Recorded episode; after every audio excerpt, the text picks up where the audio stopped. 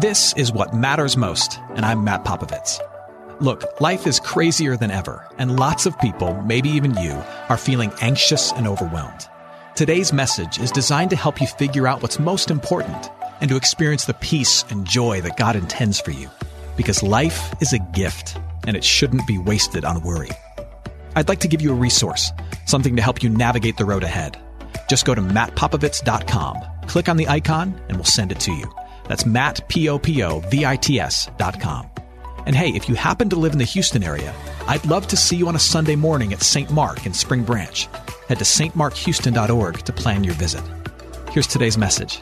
Thanks for listening. Turn with me to 1 Timothy chapter 3.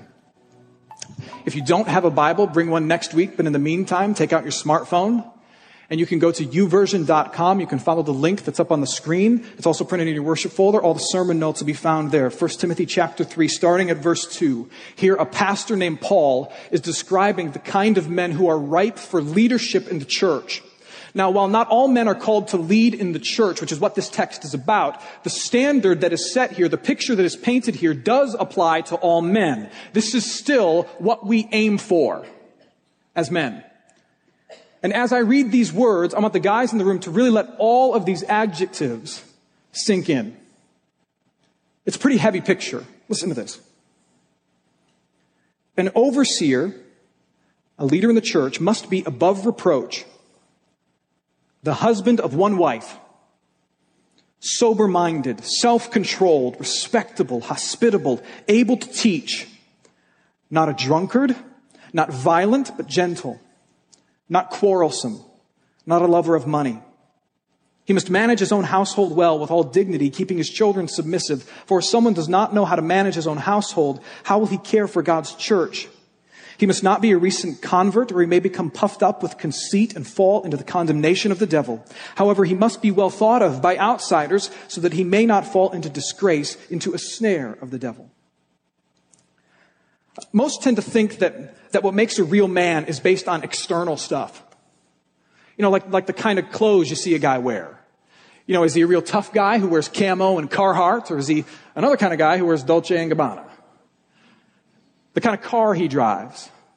You know, a real man drives something fast that can outrun everybody or something big that can crush everybody. What's your favorite television show? Do you like Ultimate Fighting with your buddies or House Hunters with your wife? But look again at Paul's list. It has nothing to do with stereotypical externals. It has nothing to do with your hobbies or your habits. No, for Paul, for Paul, real biblical masculinity is first and foremost a mature and Christ-like character. A specifically masculine, mature, Christ-like character. It's not about how competitive you are on the outside. Listen again to some of these words. It is about being disciplined, controlled, humble, forgiven, faith-filled, and embracing your call to lovingly lead others on the inside. That's what makes a man, which means it is not something that you're born with. Just because you're a guy doesn't mean you've got it. It doesn't just happen like, like waking up and going through puberty. All that guarantees you is a deep voice, an ability to procreate, and hair in unimaginable places. That's all that does. Sin has so corrupted our hearts and, and clouded our eyes that the biblical blueprint for God glorifying, world blessing masculinity must be learned. It must be taught. It must be modeled by other men who know Jesus and then over time worked in you worked in you through the Holy Spirit and the power of God's Word that points to Jesus. That's how it happens. Biblical masculinity is the result of a process. A process that most men never go through. Never go through. Uh, I like to think of it really as a series of battles it, it's an ongoing war in the life of every man, full of battles that he must wage.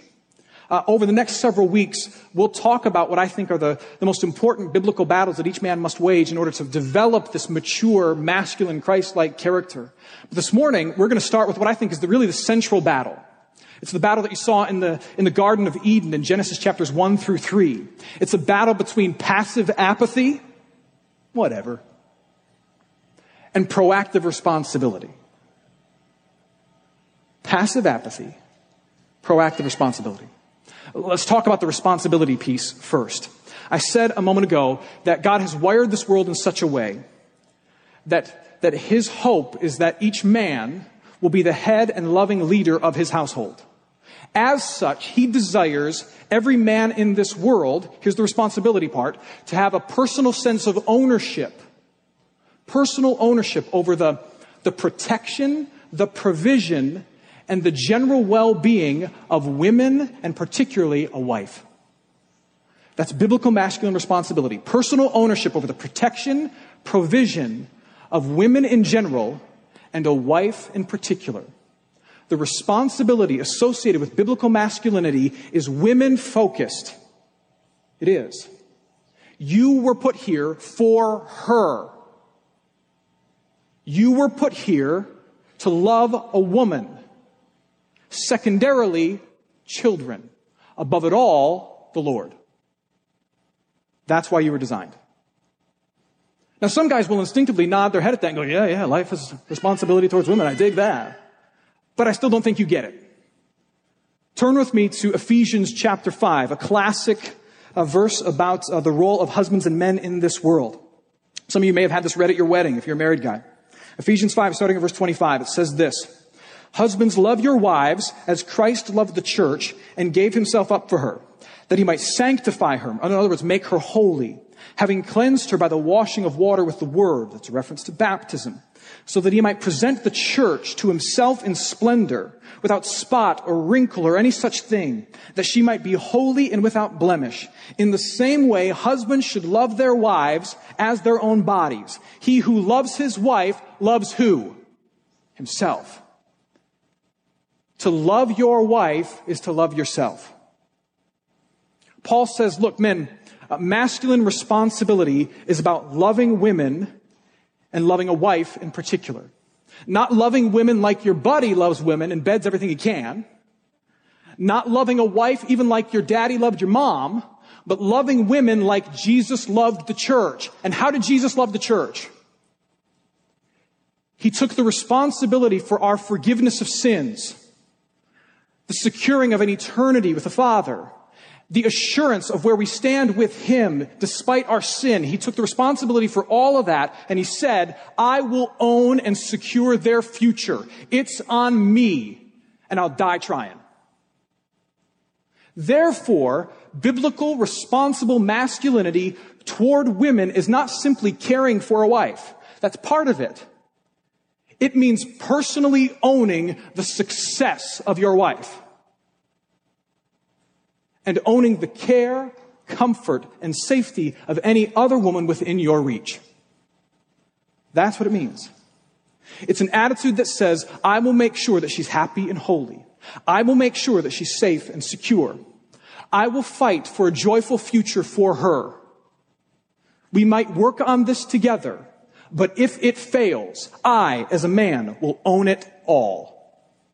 Give me that challenge. Give it to me. Now, for the feminists in the room, and you know who you are, have your arms crossed. I'm just kidding. I am not saying, and the Bible never says, that any man is the boss of any woman. Being a leader and being the boss are two very different things. Very different things. I am saying that every man should aim to be his wife's, his daughter's, his, his sister in law's, his mother's, every woman's Christ like hero. That's responsibility. That's leadership. And again, instinctively, most men say, Yeah, yeah, I like that. I'll do that. And yet, what we have to confess is that, is that there is something inside of us that, even though we nod our head at that, is repelled by that and steps away from that. Our natural tendency is not towards proactive responsibility of women. It is towards passive apathy and advocating our responsibility towards women and others to everybody else. our natural sinful tendency is to step back and say, somebody else will do it. I, know far too many guys who, when it, when it comes to their work or, say, their fantasy football league, they are obsessed with every single detail. But when it comes to some of the things that are happening in their home or some of the concerns of their wife, they are more checked out than an overdue library book. And the reason is because of this sin of apathy.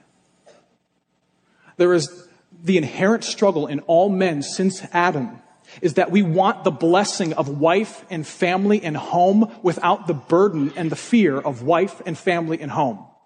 We want to enjoy the spoils without having to fight. And it starts young. Uh, in the life of a very young man, say in his late teens, early 20s, it might look like this. Man, I really want a house and stuff, but I don't want a job and bills. So I'll prolong college as long as I can and live with mom and dad. That way I'll get a house and I'll get stuff.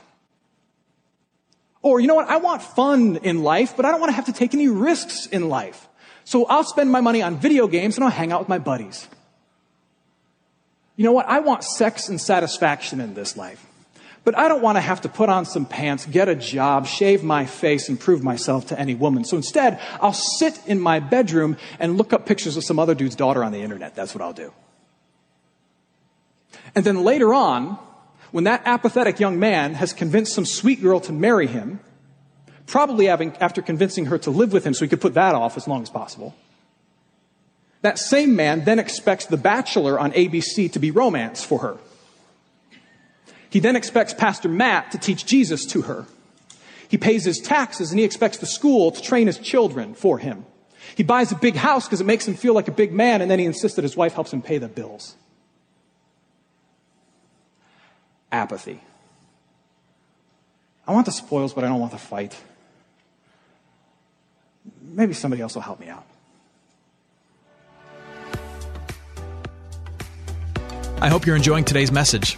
For more of what matters most, you can head to mattpopovits.com. There you'll find other messages. You can support this ministry as well as access your free gift. Oh, and if you're looking for a local church and you live in Houston, come and see what's happening at St. Mark Houston. To plan your visit, head to stmarkhouston.org. Thanks for listening, and back to today's message. I remember one of the first fights that, that my wife and I had when we were, when we were first married. Actually, I don't remember what the, the fight was about, but I do remember one thing that she said to me. Uh, she said, Matt, I love you, but I am not your mother. Yeah. Some of you have had a very similar conversation, I can see. And, and I'll never forget, that was like a light bulb coming on for me. And I was like, but if you're not going to be my mom, who's going to be my mom? Nobody.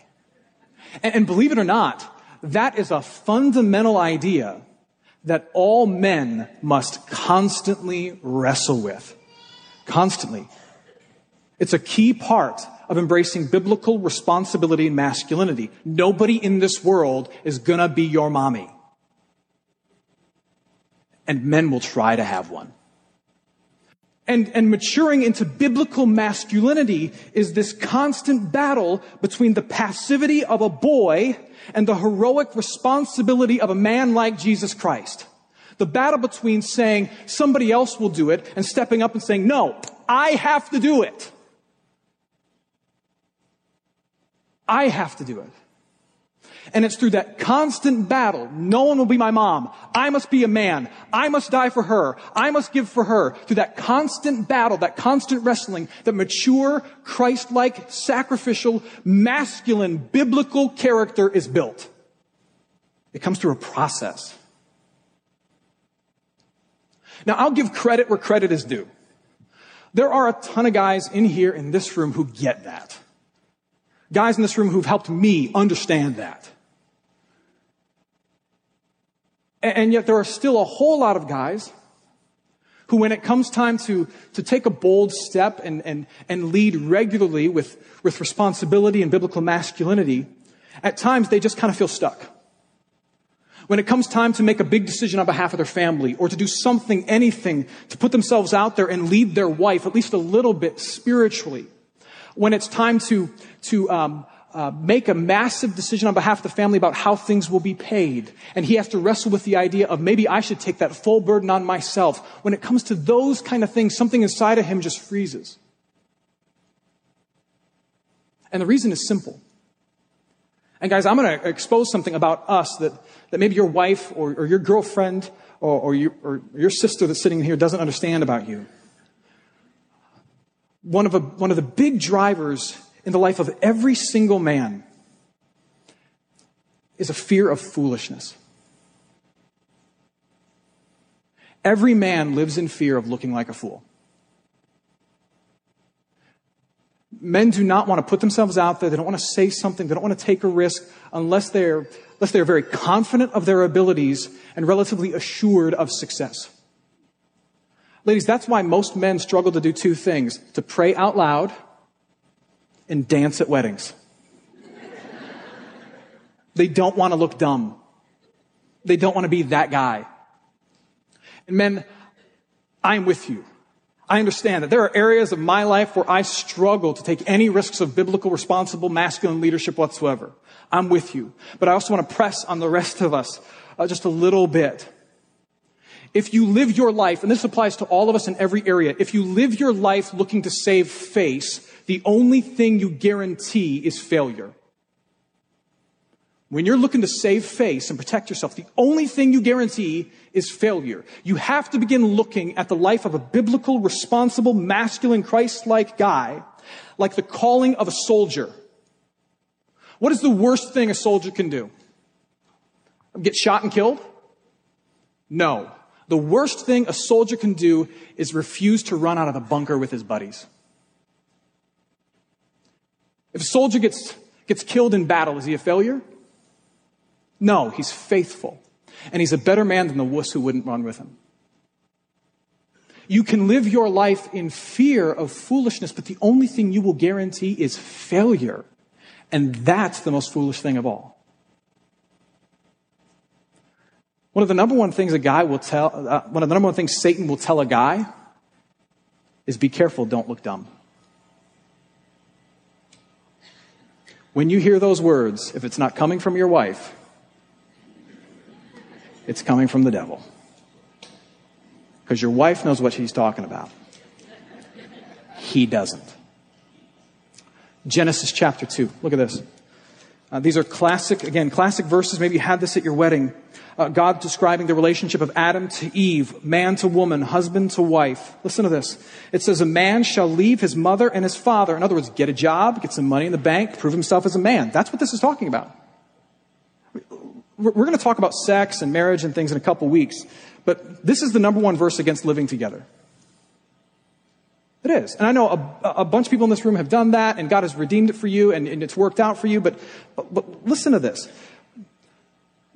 What kind of man wants to take a woman on a journey where he has proved nothing of himself and can guarantee nothing of her future and success?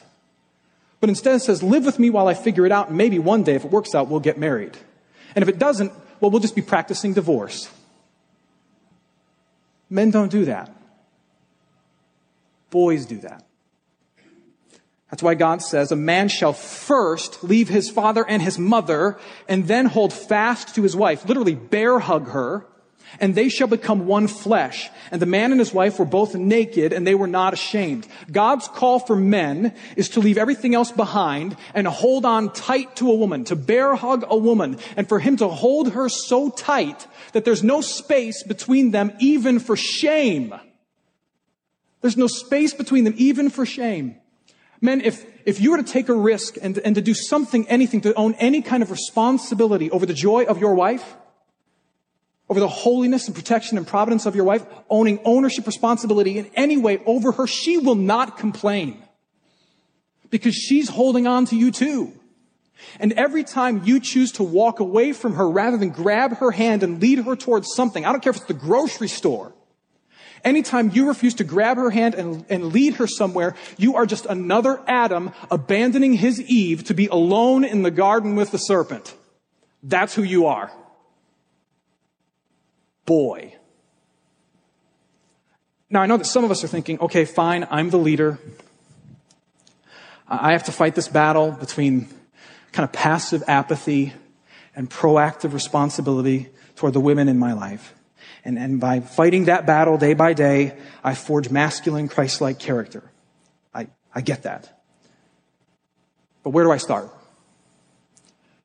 And I'm glad you've asked that question. Uh, biblically, I think there are several things, but, but I'll highlight what I think are the, the top three. Top three things that, that men need to begin to own with responsibility in their life. And these are things fathers should teach their sons and model for their sons, okay? Number one, every man has to own the joy of his wife. He must own the provision of his home and the faith of his family. Responsibly own the joy of your wife, the provision of your home, and the faith of your family. Men, the joy and happiness of your wife is your primary responsibility in this world. If your wife is not happy, it's not her that has a problem. It's you. It's you. Now, this does not mean that you go out and you, you buy her a bunch of vacations and diamond rings or you become her cabana boy, you know? Unless she's into that kind of thing, I don't know. No, no, no, deep biblical joy comes from deep satisfaction. And, and it's your job to try and figure out, is, is she satisfied? Does she feel complete spiritually? Is she satisfied emotionally? Is she satisfied physically, financially? And if she's not, your job is not to fix her. Your job is to encourage her and to help her and to try and lead her towards joy and do whatever it takes in biblical boundaries. Own the joy of your wife. It's not her problem. You're the head. It's yours. Do something about it.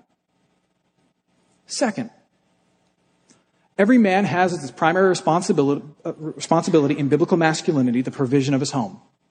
You and your wife may work through this together, work on this issue together, but ultimately you have to understand that, that as the head of your household, you have to own it.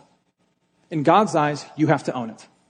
If there is significant debt in your house, you are the one who has to ask the first questions of what are we going to do about it, and you are the one who needs to take an extra job to help pay it off.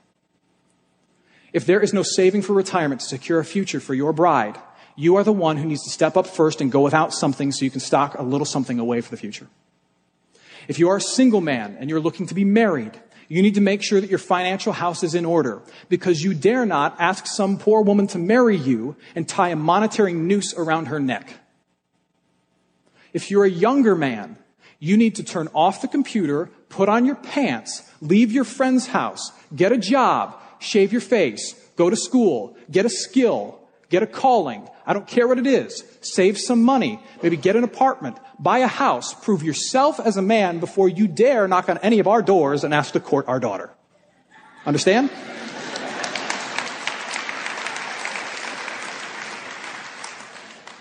My daughter will not be along for the ride to help you figure your crap out.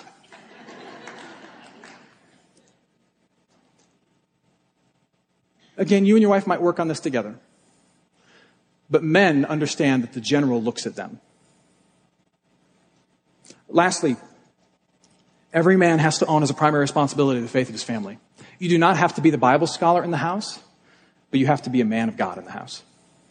Simply put, you worship with your family, you go to church with your family, you read the Bible with your family. Better yet, let's put it this way your family worships with you. Your family reads the Bible with you. The family prays with you. The family sees a genuine, growing, constantly maturing, uh, imperfect but growing love in Jesus in you. And that last one is critical. Guys, a real man has a real relationship with Jesus Christ because he's the model for biblical masculinity. If you don't know him, you can only be kind of a man, but not a real one.